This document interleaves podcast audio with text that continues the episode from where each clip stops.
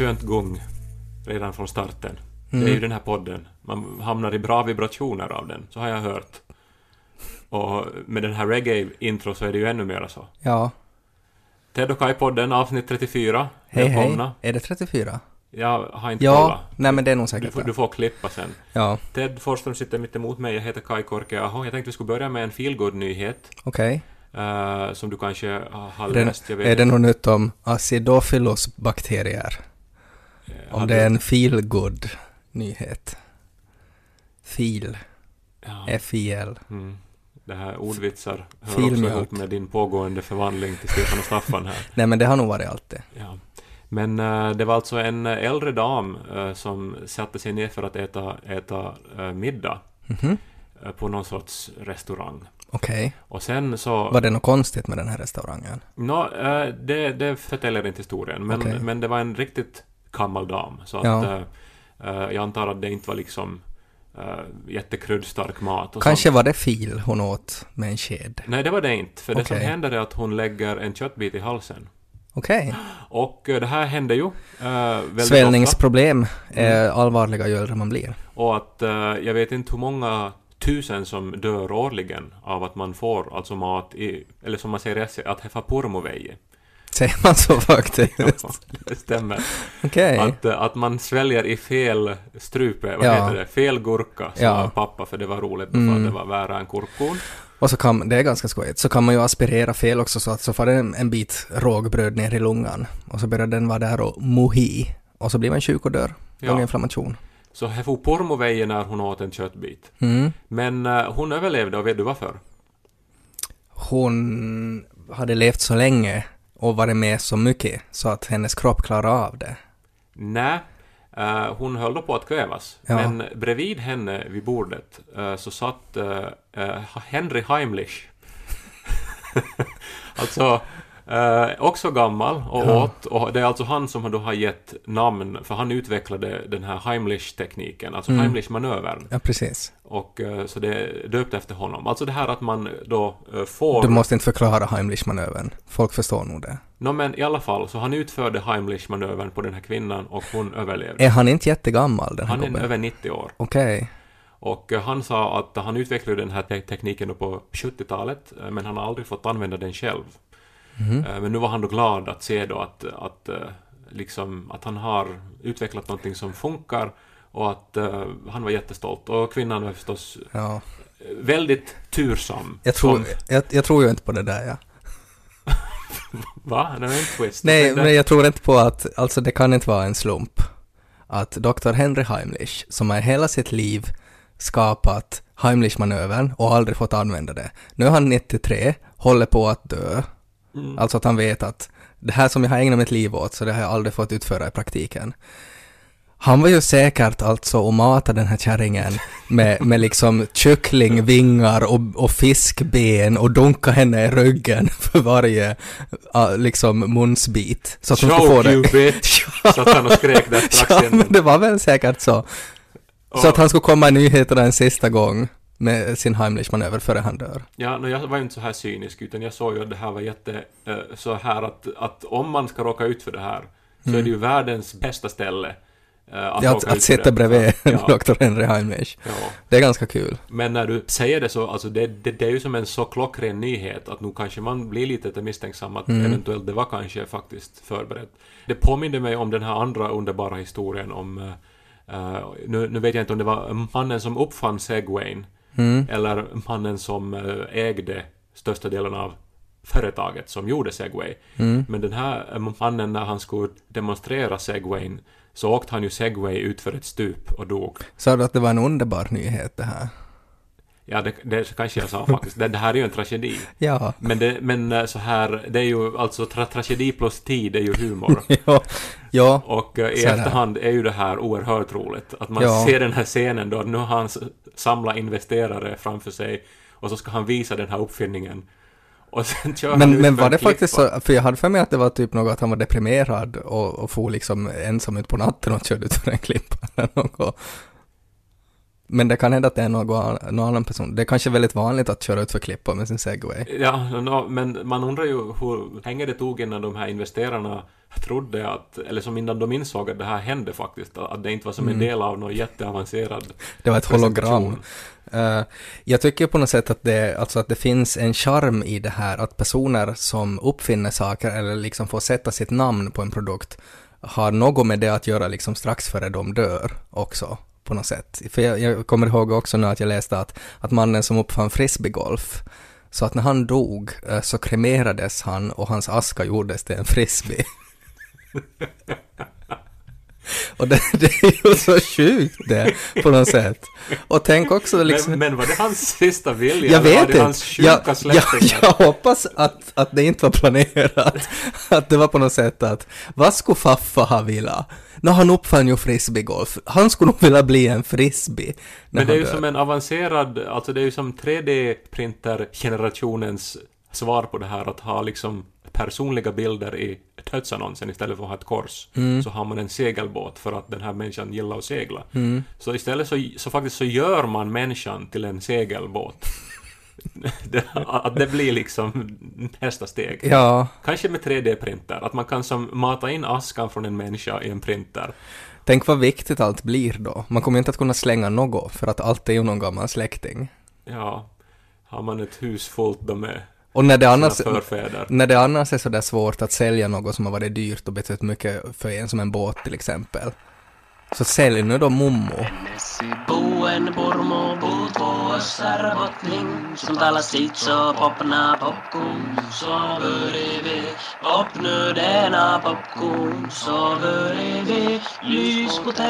Kai Jag tycker det är så fint när man går in på Österbottens Tidning, framsida, så står det Sommaren 2016 kan bli den varmaste vi haft på länge, spår österbottniska väderspåmän. Ja, det var bra att de har det i tidningen. Vad det? är ju en skitnyhet.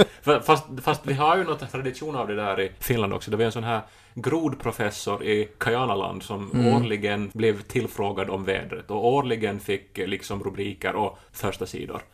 Och eh, det är väl någonting sånt. Men vad är han då? Sitter där då? Jag tror att det ska vara soligt. Front page! Österbottens Tidning. Det kan vara varmt. Men det ser ju ut att bli en strålande sommar. Ja, det kan bli. Jag, jag är ju ute hela tiden nu och cyklar och eh, njuter av syrendoften. mm, det är faktiskt syrendoft är kanske den bästa somriga doften som finns. Ja. Uh, var igår uh, det här ute vid havet och eh, på ett sånt här nytt ställe uh, här i Helsingfors, uh, dit på Ärtholmen finns det en stor bastu. Mm, ja, jag läste om så den har de här. också en restaurang där, så vi, vi var liksom och såg på det här och såg ut över havet och det var ju perfekt väder och var alldeles så här att jag älskar stan och jag älskar livet och sommaren är som så påtaglig just nu. Mm. Och, eh, men ändå är det ju, eller det, det hade vi nog när jag var barn, att det var inte sommar innan man hade farit och simma. Ja, Hade ni en sån känsla också, att, att, att man måste så att säga ta bort vinterpälsen? nej, alltså jag skulle säga att det nästan var att genast man kunde gå med shorts. Alltså ja, shorts fast det går ju att göra typ någon eftermiddag redan i, i april ibland. Ja, men då är det sommar. Men inte i april. Nej men blåsippor ute i backarna står, Ja, men och inte- säger att nu är det vår. Ändå måste de gå med strumpor och skor, än är vintern kvar, säger mor. Ja, men inte har man ju shorts på sig när man liksom har påskbrasor. Nej men om det är en varm dag så går det att liksom ta på sig shorts och vara som ja!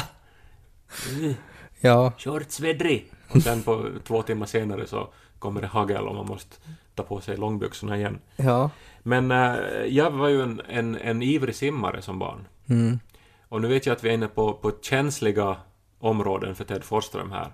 Nej, Eh, ja. För att du hör ju säkert till de här 150 till 200 finländare per år som skulle kunna drunkna.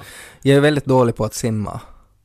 Alltså det är ju det. Men du kan väl inte simma? Nej, jag, alltså jag kan sådär att jag kan hålla mig flytande och jag kan simma ryggsim och jag kan simma så här några meter. Men att inte skulle jag överleva en, en, en så här eh, båtkatastrof. Det men, tror jag inte. Ja, ja, men nu, nu, det där var bra att du sa, för att jag har nu då stört mig hela veckan på den här definitionen på vad man är när man är simkunnig. Men det finns väl en klar definition? Det finns en klar definition eh, på när man är simkunnig och den är som följer att man måste kunna simma 200 meter varav 50 på rygg. Men vad då? Alltså, är inte det en fråga om kondition i så fall? Alltså inte handlar väl det om att man är simkunnig? Och om man kan simma 100 meter så är man ju simkunnig, lika simkunnig. Men om inte man orkar simma mer än så, så är det väl inte att inte man är simkunnig utan att man är i dålig form. Men den där definitionen kommer ju säkert typ från armén eller något, där det har behövts ha en klar och tydlig definition som också innefattar kondition. Ja, men den här är så otydlig. Ja, den är väldigt För otydlig. som när du nu just sa att du kan simma några meter. Om man kan simma några meter så, så kan man ju fortsätta med det då. Ja, men hmm, Om man orkar. Ja, men det är ju det då att min teknik är väl så dålig och att jag, jag blir så uppställd i vatten så att jag förbrukar energi så mycket mera. Att liksom att även om jag skulle ha kondition så är jag så där i ett lätt paniktillstånd hela tiden. Uppställt är alltså handfallen på Exakt. Exakt. Eh, så det gör då att, att jag, jag är så jättedålig på det. Men det har ju en väldigt eh, lätt, eller en sån här väldigt klar och tydlig orsak också. Det var ju att jag aldrig var i simskola. Ingen tvingade mig att vara i simskola som barn.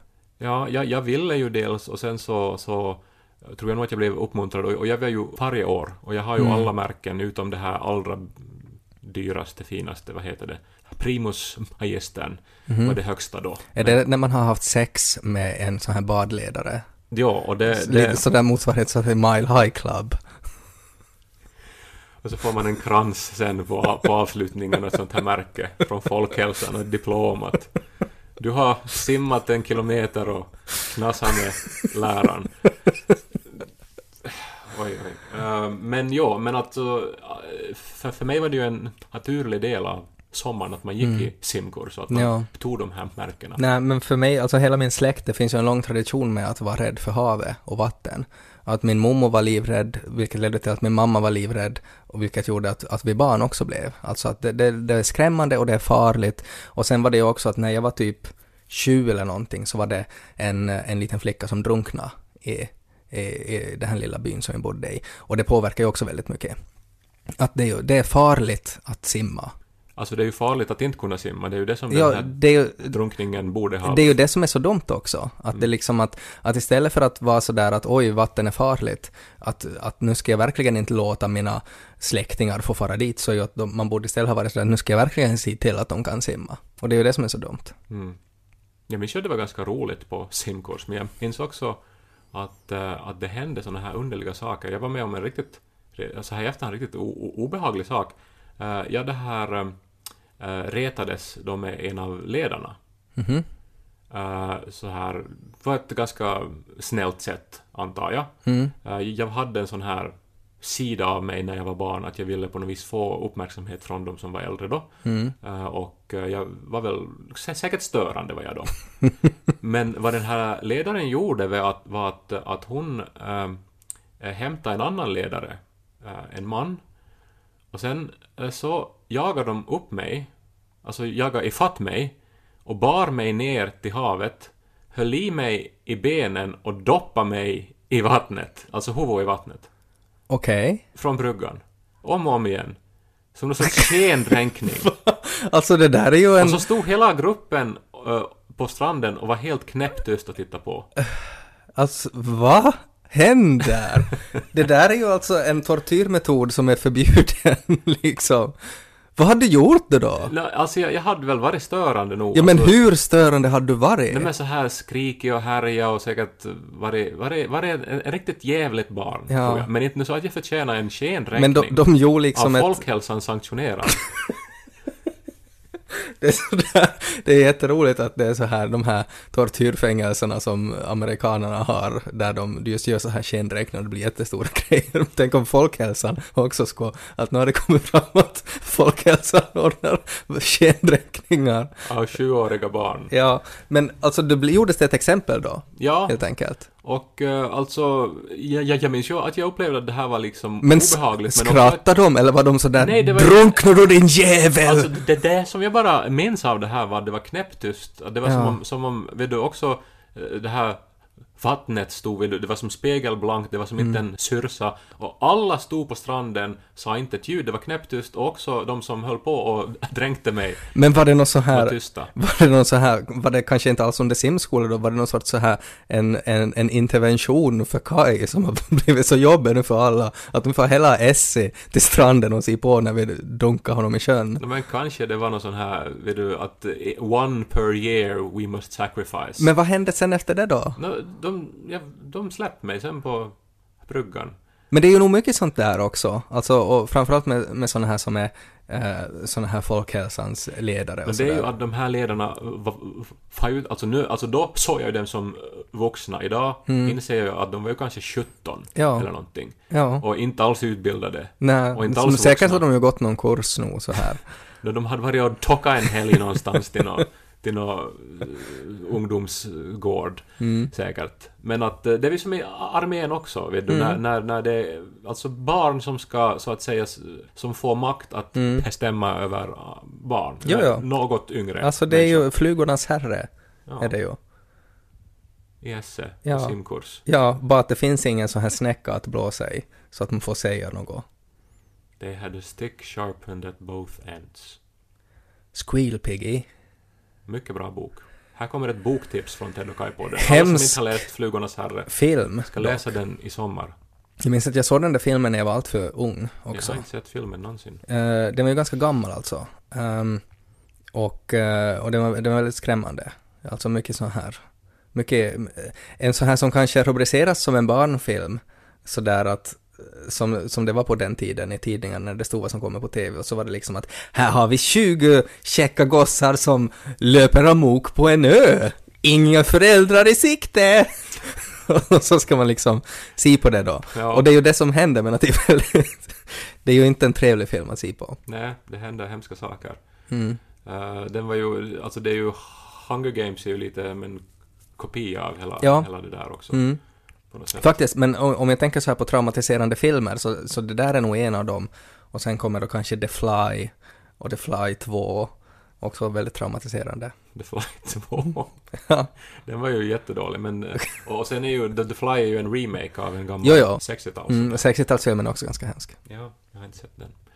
Men nu är vi långt borta från, jag vet inte... Var det inte en nyhet för några somrar sedan också att det var någonstans i Österbotten som de hade hittat alltså en stör under vattnet? Alltså som ett spjut med den taggiga biten uppåt. Nedanför en brygga. Ja, Ja. så att barnen skulle liksom hoppa och dö. Ja. Eh, det var någonstans i Österbotten, jag vill inte nu säga exakt. Var det de här samma liksom simledarna då som hade försökt dränka dig? som hade varit dit? Som hade varit på ett nytt folkhälsans dockasläger? nu ska vi nog läsa riktigt knäppt till den där jävla eleven som inte håller sig lugn. Ja. Hopp inte det Kai! Hör varför det? Ja, ja! Oj, oj, oj. Din mommo hade nog rätt. Jag här tänkte säga det. Jag tänkte säga det.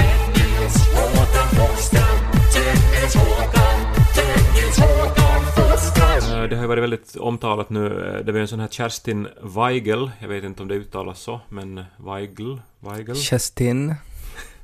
En krönikör i Aftonbladet, så hon skrev en väldigt uppmärksammad text där hon eh, lite uh, ifrågasätter klädseln hos Isabella Lövin som är vice statsminister i Sverige nu eh, och språkrör för Miljöpartiet. Eh, och hon har nu då precis nu då så att säga uh, nått maktens nästan absoluta topp och nu är den här Kerstin Weigel då eh, sur på att Isabella då inte har börjat klä sig bättre eller kamma sig.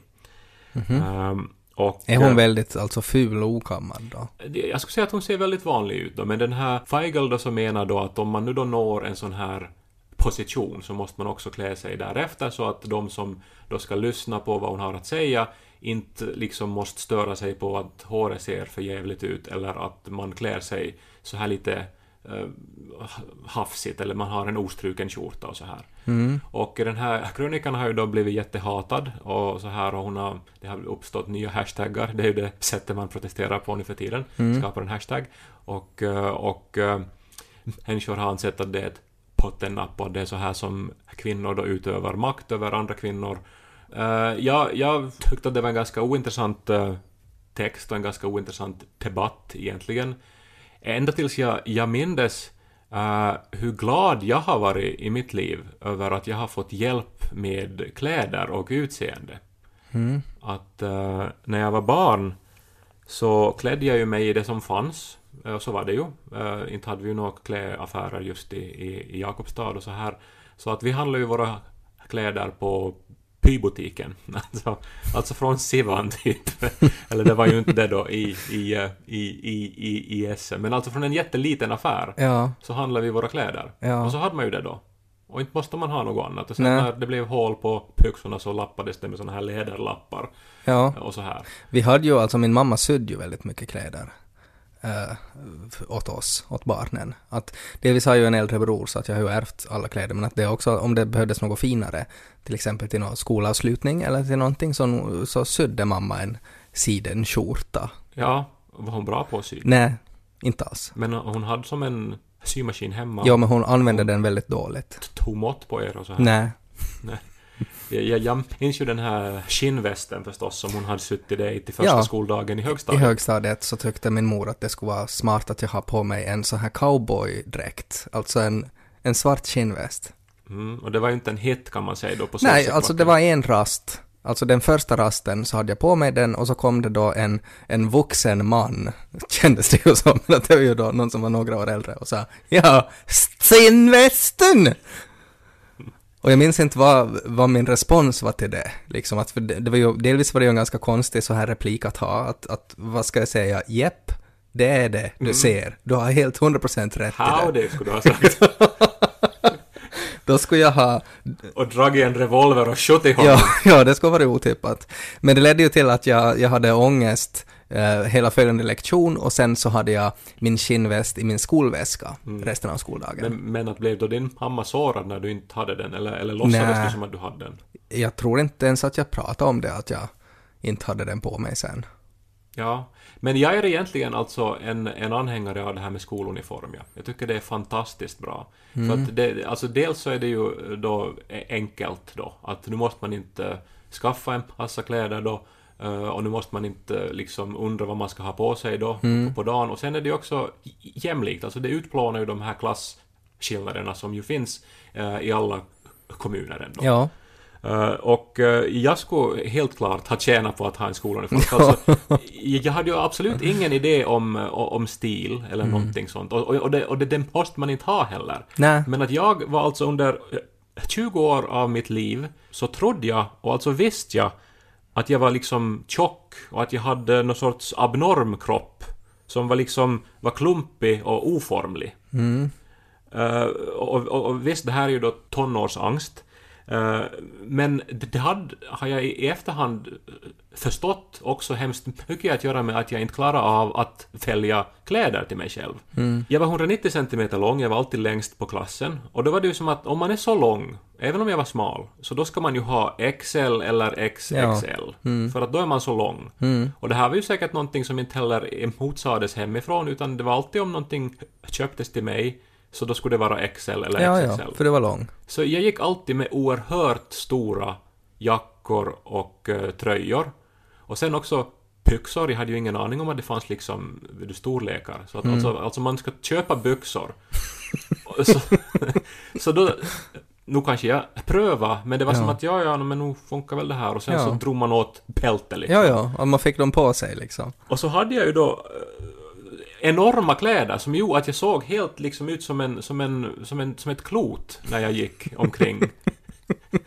och så, så sent som när jag var 23 i Åbo, så, för, för att jag har det här alltså på bild, och jag, och jag vet att det är från år 2006 när jag var 23, så ha- köpte jag en vinterjacka i storleken XXL.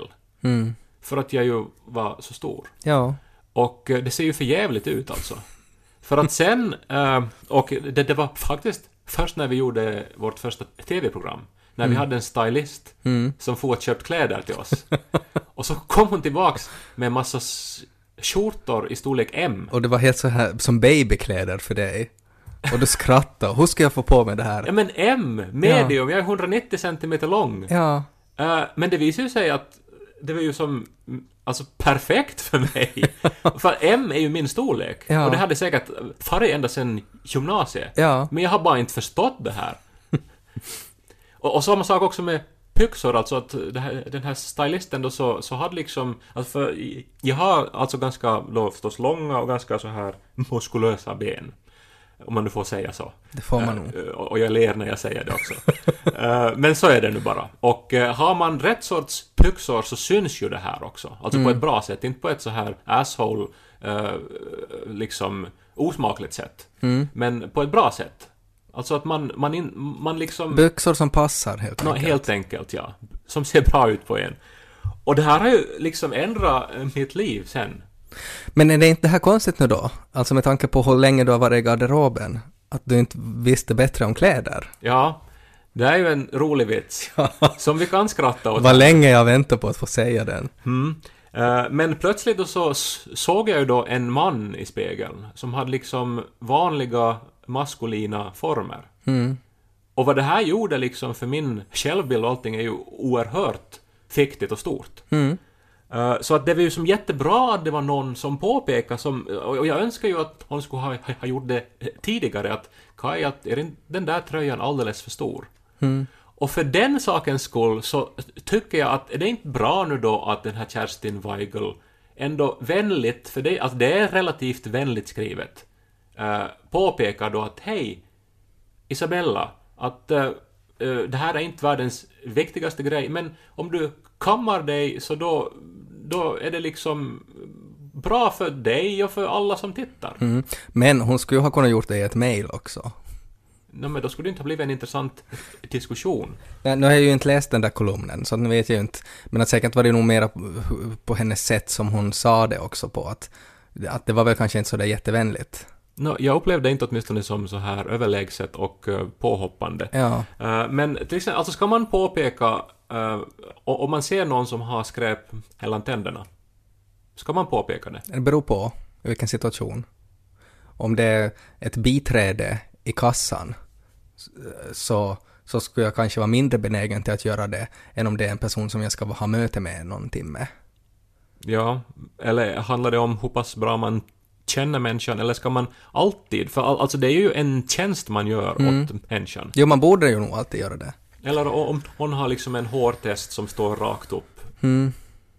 Eh, är det inte liksom bra att som säger att hej, annars så, det är någonting där i håret? Ja, men tänk om, alltså, för det finns ju också den här graviditetsfallgropen. Nej, men det är ju en annan sak. Jo, men, men, men tänk om det är och att den där hårgrejen som sticker upp som ser för jävlig ut, tänk om det är helt medvetet då? Ja, men då måste man ju ha lite spelöga ändå. Nu tror jag ju att man märker om det är en del av frisyren. Ja. För det är ju, alltså, om en kvinna är gravid, så man får ju inte säga det om det inte är så att man är där i rummet när hon föder. Då får man säga det. Ja, men det, det är helt sant och det är ju, tycker jag faktiskt, liksom... eh, Men alltså det, det, är bara, det är farligt att kommentera folks utseende. Och egentligen, jo, det är ju bra att om man påpekar då att du har en snorkråka och, och mellan tänderna, att det är jättebra att man säger det, samtidigt som att man egentligen inte alls någon gång borde kommentera någon annans persons utseende. Mm.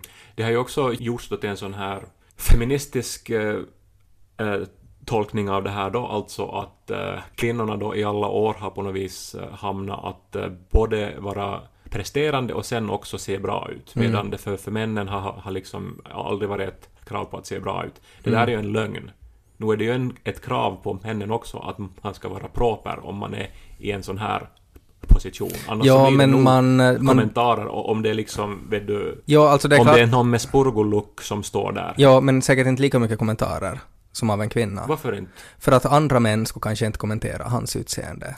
Medan om det är en kvinna så skulle både kvinnor och män kommentera utseendet. Men det är ingen som liksom blir okommenterad och det handlar inte bara om kön. Mm. Som det har lite försökt göra det här nu till. Jag skulle vilja gå tillbaka till det här när du pratade om i högstadiet att du skulle ha behövt ha en skoluniform. Mm. Eh, att det där är ju också intressant om man tänker sådär att det finns ju skolkuratorer och sådär. Att jag menar, skulle det inte ha varit bättre det än att, att vi skulle haft en skoluniform i vårt högstadie, att vi skulle haft en skoldesigner. Alltså en person anställd av skolan vars enda uppgift är att se till att alla personer ser så snygga ut som möjligt med sin egen kroppstyp.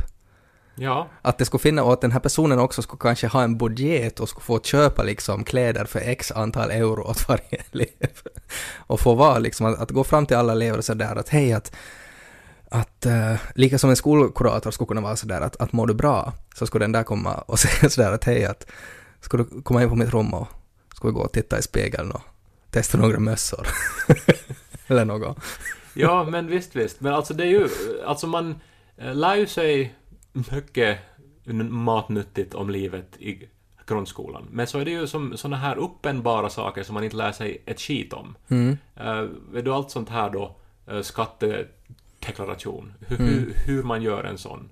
Eh, all, nå, alltså eventuellt hade ändrats i läroplanen, men i alla fall på, på vår tid så hade vi inte, ett, inte en minut handla om hur man skattedeklarerar. Nej. Och det är ju sånt man sen behöver veta. Mm. Eller, eller sånt om, om hur ett bostadslån funkar. Ja. Eh, och uh, alltså, vet du, ekonomisk planering. Men skolan ska väl på något sätt fylla en med grundinfo och en grundinställning som gör att man sen tar reda på sånt där av, av sig själv. Ja men och, nog skulle det ha, ha gått också liksom att ägna ett par timmar av den husliga ekonomin. Ja, men att det håller jag med om. Prata om eh, hur man eh, kammar sig. Jag tycker att, att med tanke på att det heter faktiskt huslig ekonomi så tycker jag att det handlar väldigt lite om både ekonomi och, och sådär liksom mat. Alltså att man gjorde ju scones och hur ofta har man gjort scones som vuxen när man på riktigt skulle kunna vara sådär att att hej, nu låtsas vi att ni har 20 euro som budget. Vad ska vi få att köpa och laga för mat för det? Så här kokar man pasta, så här gör man bla bla bla bla bla. Liksom på riktigt att man skulle få utnyttja det. Kanske är det så nu för tiden. Jag vet ju inte om det är så, men jag tycker det skulle vara bra. Vad kan man göra för 80 euro i veckan på mat? Mm. Alltså, exakt, den bör ju moderniseras, den här undervisningen i det här ämnet. Men också ta in lite om, om stil. Hur, hur klär man sig? Ja, men det är ju så farligt också i den där åldern. För att det är ju det, är ju det som är det dumma med skolan är ju, och högstadiet framförallt, för att man är ju så, det är ju en så konstig ålder. För att det är ju så mycket man ska lära sig om livet och om sig själv, plus att man ska gå i skola, liksom och lära sig om ämnen och sådär. Att det borde vara liksom två skilda saker egentligen. Det borde vara en skola där man, där man bara på något sätt ska lära sig hur man hanterar det att någon kommer och säger ”skinnvästen” åt en. Och sen en annan skola där alla är totalt anonyma och man typ inte ser någon någonsin så att det inte ska finnas kommentarer. Mm. Ska man kunna ha någonting med, med så här utseende och sånt där, då skulle det kunna vara lika som simmärken på något sätt. Att nu ska man ta nybörjarmärket och det Ja. handlar då om att man ska eh, nå, sätta på sig kläderna rätt Nej väg. men, nej, men så, ja, det skulle jag inte ha klarat av. Jag, för, för många gånger i högstadiet som jag hade kläderna fel väg. Och det var ju för att min mamma var så dålig att sy att man visste inte vad som var vad. Eh, men till exempel att du skulle då inte, jag menar för då skulle man ju haft något att skylla på. Lika sådär att om man inte kan simma, ja men jag har inte, jag har inte tagit de här märkena, inte kan jag simma. Så att när du då såg ut som ett, ett bowlingklot i skolan så skulle det vara så, ja men du har inte tagit det här designmärket. Men det borde vara obligatoriskt i undervisningen då att ta designmärke då. Så att man som tonåring Mm. Det, inte det är behöver... jättefint obligatoriskt i skolan. Ni får inte vara fula, ni måste vara snygga. Nej men inte, inte pratar vi om utseende, vi, vi pratar om hur man klär sig. Ja. Nu. Alltså att, vet du, basic kunskap om vad, vad, vad kläder är och hur man får dem att passa. Ja. Ja. Arga mejl skickar ni till tedochkai.yle.fi. Vi har eh, tyvärr haft problem med vår mejl och det fick vi veta först eh, förra veckan. Ja, det här är ganska viktigt att nämna. Vår mail, alltså ted och kai.yle.fi, den har inte funkat ungefär på en månad. Och vi har ju nu undrat var är alla mejl för att vi Mm. fick ju ändå regelbundet mejl från er och det var vi väldigt glada över. Mm. Och så mitt i allt så var det tyst i flera veckor och sen började vi undersöka vad som är fel. Mm, och det är så- någonting fel med den här e-posten och den håller på att fixas. Men att om ni har jättebrådskande saker äh, åt oss, eller om ni inte har fått svar på något brådskande, så nu vet ni vad det beror på. Ni kan twittra åt mig, eller så kan ni instagramma åt Kai. Ja, och så hittar ni oss på Facebook också. Vi heter Pleppotoy. Ja. Men vi ska försöka få e-postadressen i skick. Mm. Och eh, arga kommentarer om det här eh, som vi just har pratat om, eller om något annat, kan ni då tills vidare höra av er på andra sätt. Ja. Åt Kai då, på Kais Instagram. Ja. Ted vågar aldrig sticka ut hakan och ha en kontroversiell åsikt.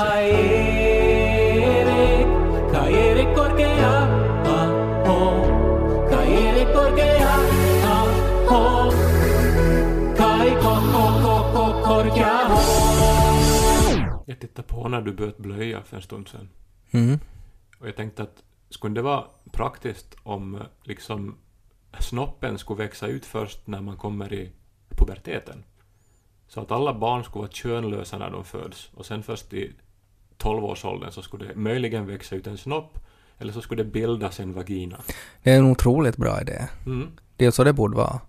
För att då ska man ju inte uppfostra barnet alltså på något speciellt sätt, utan att alla är barn. Mm. Det som plötsligt så ploppar det ut en liten snopp. Ja. Och sen skulle det bara vara så här att ja, jag tror nog att, att det här, att eh, Kim är en tjej. Och så, så blir det en enorm besvikelse sen då. När det kommer en snopp. Mm, och så ska man få namn först då när det kommer någonting. Annars Ja. skulle ju alla namn måste vara könsneutrala. Så att man skulle heta liksom barn, eller man skulle heta X eller Y ända tills man är 12 och då och det börjar hända grejer. Ja. Det skulle vara praktiskt. Ja, Det skulle underlätta i blöjbyte också. Att man inte måste se till att den pekar neråt eller sådär. just det ja. Ibland så kan den peka uppåt och så kissar han sig liksom på magen så att det rinner. Mm. Ja, men eh, vi kan ju inte ändra på biologin. Nej, men vi Nej, kan med kanske skri- podcasten. skriva en krönika åt någon. Men vi kan konstatera att eh, det är fint ute och att eh, det är inte bara eh, små barn just nu som gör att man blir lycklig och, och glad, utan även det fina vädret. Mm. Och vi tycker att ni ska fara ut allihopa och att ni ska lyssna på den här podden när ni ligger på stranden eller när ni joggar genom grönskande parker eller när ni är ute och seglar. Eller när du sitter inne och ser på TV och har för gardinerna. Ja, men då förlorar du i livet. Varför det? Ja, då går man miste om livet. Det kan vara en jättebra film. Verkligen inte. The Revenant. Nej, men man flyr ju från något om man flyr in i sig själv. Ja, men kanske, kanske verkligheten är så skrämmande så att ibland måste man fly in i sig själv. Ja, men man har ett ansvar som människa att ta itu med sin rädsla. Och det här är både till, till föräldrar och barn och lyssnare. Är man rädd, så ta itu med det. Men man kan ju lära sina barn och sina barnbarn att bli rädd för samma sak.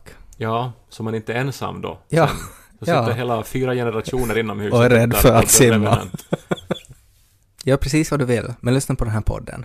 Och sprid budskapet till dina vänner. Om den här podden. Ja, Mm. Vad ska de säga då? Vi kunna ha någon så här färdig mening så att de inte måste fundera på det själv. Lyssna på Ted och Kai, de är så... Ah, De har en sorts je ne ja. Det gillar jag. Det är så här lite... Och, och att de också gör ett så här... Ett sånt ljud. De har en sån här... pas. Och det här budskapet blir ju extra tydligt om ni har en skinnväst medan ni säger det också. Allt vad du säger iklädd skinnväst så får en speciell sorts pondus. Och om du också sätter in något franskt. Stinnvästen! Vad borde du ha svarat åt den här killen som ja, kom och vad sa borde jag ha sagt? Stinnvästen! Kanske jag borde ha sagt nej. Nej, det är lakrits. En lakritsväst. Så skulle du ha ätit upp den det här, Ska jag äta upp den? inför hans ögon. Ja, och börja spy ut så här skinnflikar. Och nitar. Och hamna på akuten så första dagen. Då skulle jag inte ha varit skinnvästen, då skulle man ha varit mera psykfallet. Men du skulle ju ha åtminstone vunnit den situationen. Ja, det skulle jag ha gjort.